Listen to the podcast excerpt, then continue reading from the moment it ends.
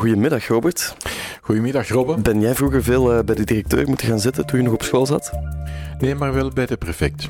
Ah ja, en dat... Dus dat was meestal uh, uh, op woensdagnamiddag. En dan was het prijs. Enfin, veel, nee, nee. Maar toch wel af en toe is tegen de lamp gelopen. Uh, maar ja, het gebeurt in een leven, hè?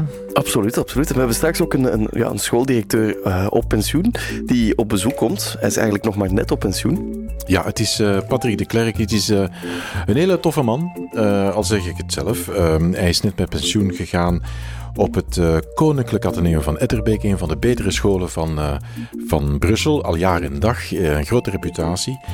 Um, en het is iemand die daar ook zeer geliefd is geweest. En we gaan ook hem confronteren met de nieuwe PISA-uitslagen, cijfers, want het is niet goed aan het gaan met het uh, Vlaams onderwijs. Ja, die zijn vandaag inderdaad uh, uitgekomen.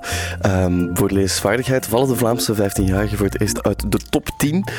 Ja. Dat, dat zijn confronterende cijfers? Dat Het zijn confronterende cijfers en het zijn, uh, het zijn cijfers die uh, in het Belgisch gemiddelde nog lager liggen. Dus uh, bij de Franstaligen is het nog slechter. Maar we gaan erop achteruit en dat is geen goed nieuws inderdaad. de Aziatische landen die zijn aan de kop, zo blijkt, en wij dabben naar beneden. En dan is de vraag natuurlijk aan Patrick de Klerk, wat moeten we daaraan doen? À la carte. Robbe Petitjean en Robert Esselings. Patrick de Klerk, leraar geschiedenis van opleiding en al 16 jaar lang directeur geweest, moet ik nu zeggen, van het uh, Atheneum van Etterbeek. En, uh, inderdaad, een school met een reputatie, een van de betere scholen van Brussel. Meer dan duizend leerlingen, heb ik gehoord. Dat is enorm. Aiko Duister van Radio 1, Judith van Listendaal en Mark Didde waren oud-leerlingen, dus de reputatie gaat u voor. Maar u was als directeur, en dat komt me niet veel tegen, zeer geliefd. Hoe komt dat? Ja, dat komt omdat ik daar lang geweest ben, denk ik. Uh, mensen kennen u door en door. Dat ik ook wat ouder ben, waardoor je dan toch wat dat opa-gevoel krijgt, denk ik, bij de kinderen. Dat ik er steeds voor getracht heb te zorgen dat zowel leerlingen als leraren graag naar school komen dat die deur open staat, waardoor de mensen de indruk hebben, niet alleen de indruk hebben, maar ook ervaren dat je luisterbereid bent, dat je oog hebt voor hun noden, voor hun vragen. En ja. dat maakt dat je dan, denk ik, wel graag gezien wordt en geapprecieerd bent. Wat is een goede directeur? Geef de definitie. Ik denk dat je zeker empathisch moet zijn, maar ook ambitieus. De wereld verandert ontzettend. En dan denk ik dat je als directeur ook moet trachten samen met de collega's lijnen uit te tekenen, waardoor die vernieuwing ook in het onderwijs doorgezet wordt. Want nu leren er kinderen lezen en tellen met een tablet. Uh, en binnen tien jaar zitten die in de secundaire school. En dan ga je toch op een andere manier met die kinderen moeten omgaan dan twintig jaar terug, om die ook leergierig en gemotiveerd en bij de les te houden. Ja. Uw afscheid uh, op school was uh, nogal bijzonder. Uh, alle leerlingen, heb ik mij laten vertellen, zijn naar buiten gekomen om te applaudisseren als u door de gangen ging. Dat moet toch wel een bijzonder moment geweest zijn en ik kan me voorstellen, zeer emotioneel. Ja, absoluut. Ik, ik, was daar een beetje ongerust over, om, omdat het heel emotioneel is. Hè, dat ik dat ook wel verwachtte. Ik neem nu afscheid van, van iets wat ik jaren gedaan heb. Uh, en plots gaat mijn leven helemaal anders zijn. Die laatste week, hoe, hoe gaat dat verlopen? Wel, die laatste week is mij ontzettend goed meegevallen. Uh, ik vond het voor het eerst echt genieten op het werk. Omdat je veel blijken van erkentelijkheid kreeg. Uh, leerlingen die langskwamen om iets te vertellen, die met de klas een kaartje geschreven hadden of een briefje gemaakt of een tekening en die dat dan kwamen overhandigen. Het was echt hartverwarmend, ja. PISA, dat staat voor Program for International Student Assessment. En daar zijn vandaag de resultaten van uitgekomen en die zijn redelijk bedroevend. Ja, Patrick eh, de Klerk, eh, het eh, Koninklijk Atheneum van Etterbeek, waar u 16 jaar lang directeur is geweest, is inderdaad een van de betere scholen van Brussel, dat heb ik al gezegd. Met sterke richtingen wiskunde en wetenschappen staat erom bekend, naar het schijnt. Uh, er zijn ook uh, een aantal vakken die in een andere taal kunnen worden gevolgd uh, als leerlingen dat willen. En toch zijn er die fameuze PISA-cijfers van vanmorgen. Namelijk, Vlaamse leerlingen scoren op alle fronten slechter dan drie jaar geleden. En men heeft het dan over wiskunde, lezen, wetenschappelijke vaardigheden. Het gaat bergaf en het Belgisch gemiddelde ligt er nog onder. Waar schort het aan? Ja, het is uh, verontrustend als die resultaten weer zo tegenvallen. Ik denk dat de leraren hard hun best doen om het zo goed mogelijk te doen. Maar dat het bijzonder moeilijk is. Um, leesvaardigheid, ik denk dat het ergens logisch is. Kinderen vandaag de dag lezen merkelijk minder dan vroeger. Dus dat wordt uh, een heuse karwei om hen aan het lezen te krijgen, want het is ontegensprekelijk zo dat je woordenschat verrijkt wordt als je meer leest. Um, dus ze kijken heel veel naar tablets, uh, YouTube-filmpjes, wat dan ook. Maar ze lezen inderdaad veel minder dan vroeger. En ik denk ja, dat dat er bekeken moet worden. Dat ze wiskunde niet goed zijn, dat snap ik niet. Uh, daar kan ik niet zo direct bij. Ik zie niet uh, waar het onderwijs daar in de fout zou kunnen gaan, want ik denk dat die eindtermen wel zijn wat ze moeten zijn. Als ik zie hoe de kinderen, hoeveel uren wiskunde de kinderen op school krijgen en hoe goed de meesten het daarmee omgaan, dan verbaast mij dat. Uh, het wetenschappelijk werken, dat kan ik wel begrijpen, omdat veel leraren eh, de wetenschappen nog vaak erg theoretisch geven en misschien nog te weinig labo, praktijkoefeningen in oefenen met die kinderen. Zeker met de kleintjes. De eerste graad, denk ik, uh, was het ook een opmerking die wij een paar keer gekregen hebben na een doorlichting, dat het te theoretisch is, dat er te weinig uh, labo-oefeningen gebeuren, waardoor ja, dus die wetenschappelijke methodes bij die kleintjes nog niet ingeburgerd zijn. In, in, in 4, 5 en 6 wordt daar veel meer aandacht aan besteed en dan komt dat wel goed. Maar het hangt ervan af welke doelgroep precies onderzocht is door die PISA-onderzoekers. Ja, natuurlijk, het zijn gemiddelden. Uh, u was directeur van een betere school. De vraag is natuurlijk, uh, in de vele concentratiescholen van Brussel, daar is de situatie natuurlijk helemaal anders. En daar gaat men natuurlijk uh, nog meer naar beneden gaan. Ehm, mocht u daar directeur zijn vandaag, wat zou u aanpakken of hoe zou u het aanpakken in die school die moeilijk zijn, ook voor leraars? Het is moeilijk om daar uitspraken over te doen, omdat ik niet goed weet wat er allemaal gedaan wordt in die scholen. Hè. Ik, ik, ik, heb nooit slechte scholen meegemaakt. Ik denk dat alle leraren het beste vermogen en betrachten met de kinderen die hen worden toevertrouwd. Maar een schoolcultuur maakt natuurlijk wel veel uit. Hè. Als je erin slaagt om ouders te betrekken bij de school, kinderen leergierig te maken. En in een ASO-school is het uiteraard de bedoeling dat ze naderhand gaan verder studeren. Dus het is niet evident om allemaal die scholen met elkaar te vergelijken. Hè. Een ASO-school en een BSO-school. Wat daar gedaan wordt met de kinderen is toch wel enigszins anders. Maar ik denk dat het heel belangrijk is dat je tracht de school zo divers mogelijk te maken. Het heeft geen zin om allemaal taalzwakke leerlingen bij elkaar... Allee, het, is, het heeft geen zin, soms is het uiteraard zo, maar het is altijd een meerwaarde als er ook taalsterke kinderen in de klas zitten. Ja, maar daar heeft de school natuurlijk geen keuze in. Uh, manier van spreken. Mm, nee, nee. Dus maar uh, met die dubbele contingentering, zoals de inschrijving tot op vandaag de dag is, kan je als directeur voor een school, en zo was het in Netterbeek, 25% van de plaatsen voorbehouden voor gokleerlingen. En dan zorg je ervoor dat ook kinderen die in minder gunstige omstandigheden opgroeien, in een school terechtkomen waar ook meer kansrijke kinderen zitten. En dan heb je een goede mix, denk ik, want de ene trekt dan de andere mee. En het is niet zo dat dan de taalsterke leerlingen daaronder lijden en minder leren. Je hebt tijd genoeg om met de kinderen de doelen te bereiken die moeten bereikt worden, want sommige kinderen leren ook heel snel en hebben in minder uren les ook de mogelijkheid om te bereiken wat ze moeten bereiken en kunnen dan andere dingen daarnaast doen. Ik denk dat dat een goede mix is. Trachten te voorkomen dat je scholen hebt waar er maar één bepaalde bevolkingsgroep zit, maar ze trachten zo goed mogelijk te mengen. Snel uh, voor de niet-specialisten, de gokleerlingen, dat zijn de.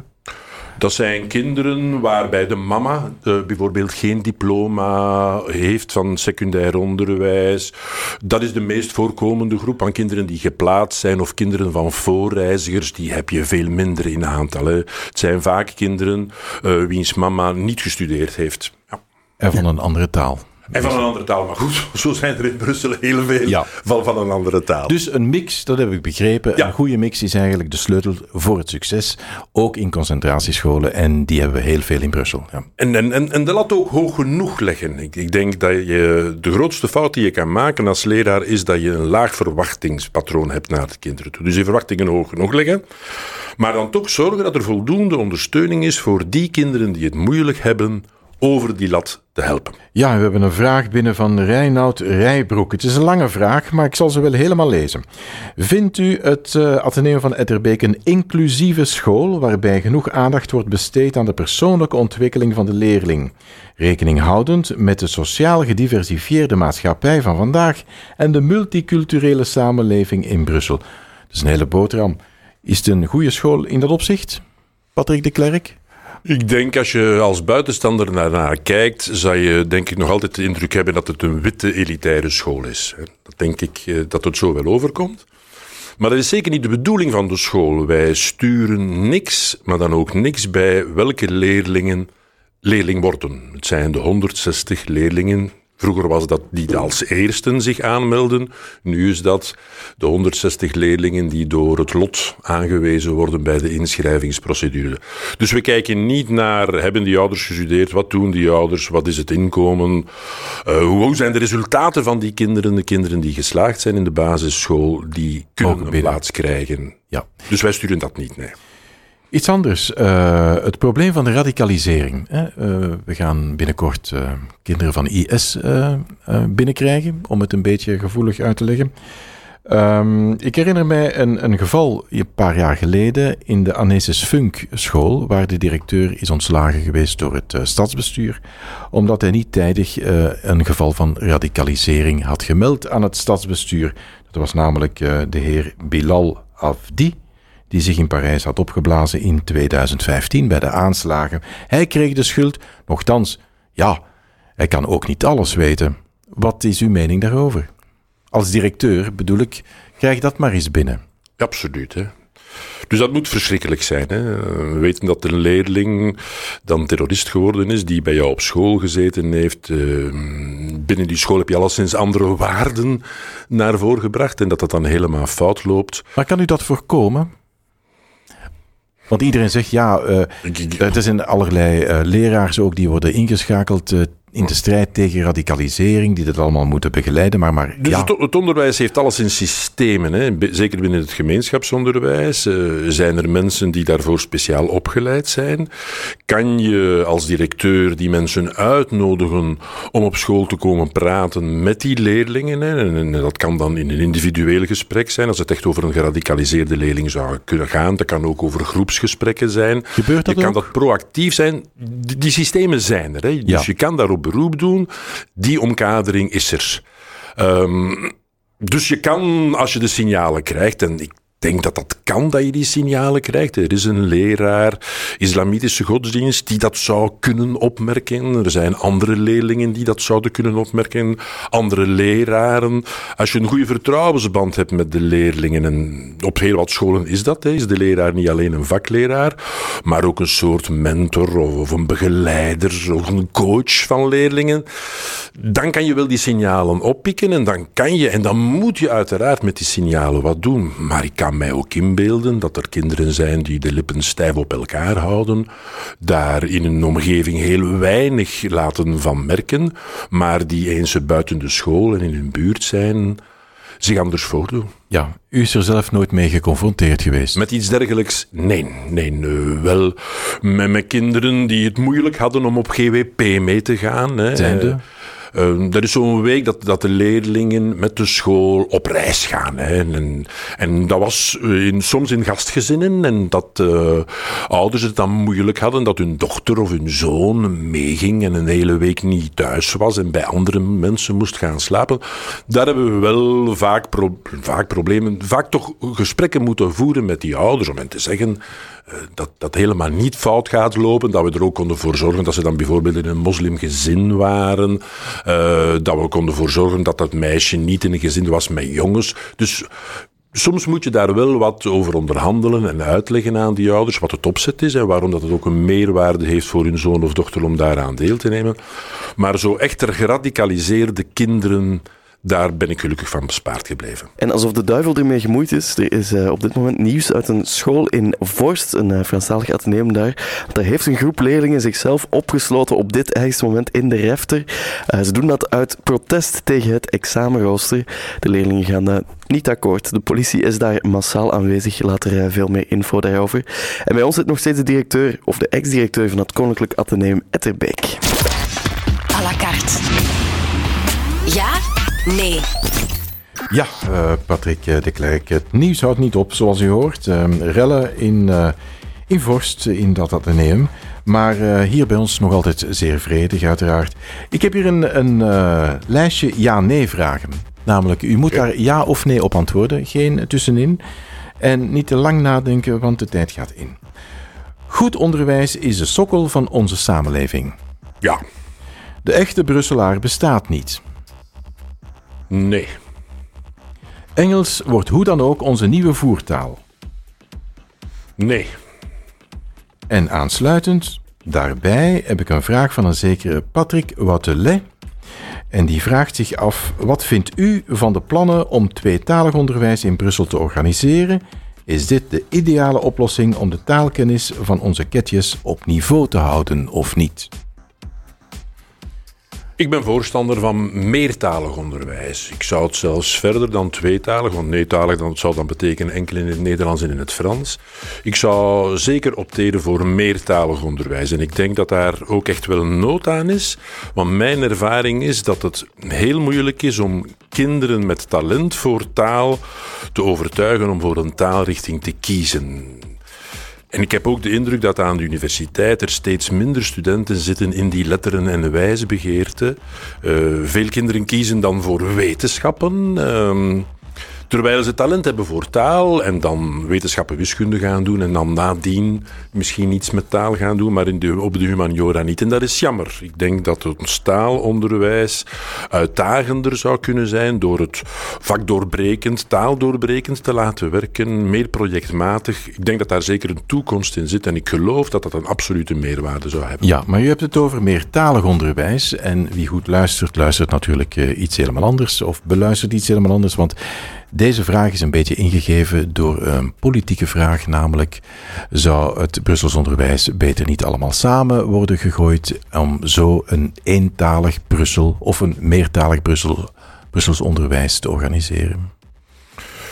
U weet dat, daar zijn al hevige discussies over. Van, eh, van, moet het vanuit het Nederlands het meertalig onderwijs worden georganiseerd? Of moet het vanuit het, uh, ja, het Brussels worden georganiseerd? Ik heb daar geen uitgesproken mening over. U verrast mij een beetje met die vraag. Dat zou dan ook betekenen dat er andere eindtermen zouden zijn voor taal in Brussel. Is dat terecht? Misschien is dat wel terecht. Hè? Ik denk dat het Nederlands van de Brusselse kinderen minder goed zou kunnen zijn dan het Nederlands van de kinderen in Oost-Vlaanderen. Maar in kennis van het Frans is dan spectaculair veel beter. Daar zou onderzoek moeten kunnen over gedaan worden. Of misschien wordt dat ook gedaan om daar uitsluitsel te kunnen over hebben. Maar het is zeker zo dat het Nederlands voor heel wat Brusselse kinderen de derde taal is en dat dat problemen teweeg brengt of met zich teweeg brengt op scholen. Ja. Op de vraag uh, wordt Engels hoe dan ook uh, onze nieuwe voertaal antwoordde u zeer categoriek nee. Ik hoop van niet, nee. Ik hoop dat er nog altijd heel veel aandacht voor Nederlands en voor Frans en ook andere talen zal zijn. Ik heb er geen probleem mee dat er een opmars van het Engels is. Eh, er is inderdaad nood aan een taal die uh, landoverschrijdend kan spreken met elkaar. Ik denk dat dat uh, zeker wel zinvol is, maar ik hoop dat er nog altijd plaats zal zijn voor het Nederlands en het Frans en Even goed voor het Italiaans en Portugees van de kinderen, de thuistalen die de kinderen hebben. Ja, uh, Patrick de Klerk, wat doe je zoal als je met pensioen bent? Wat heb je vandaag gedaan? Uh, ik ben toch begonnen opnieuw met naar mails te kijken, maar dat was uh, drie, vier dagen geleden. Ik begon vroeger ook altijd met mijn mails te checken. En ik eindigde de dag ook met mails te checken. Maar nu is dat een verademing, want ik had denk ik vier of vijf mails eh, in mijn mailbox. En vroeger? En vroeger veel meer. Hè. Ja, ik ik kon daar toch wel een paar uur per dag Ja. zoet mee bezig zijn. En dat heb ik nu niet meer. Ja, hebt u een, een voelt dat bevrijdend aan? Op een manier wel, ja. Ja. Dat had ik wel gehad, ehm, die mails altijd beantwoorden. Dus dat vind ik een verlichting van de taak. Maar ik mis de gezellige drukte van een school. Hè. De, de, continu die leerlingen, die leraren, die collega's. eh, als je in de gang komt, eh, heel wat mensen tegenkomen. Dat heb ik nu niet meer en, en, en dat mis ik dan wel. Maar het feit dat ik die mails niet meer heb, maakt ook wel veel goed. Ja. Maar een, een project eh, zit er voorlopig nog niet in.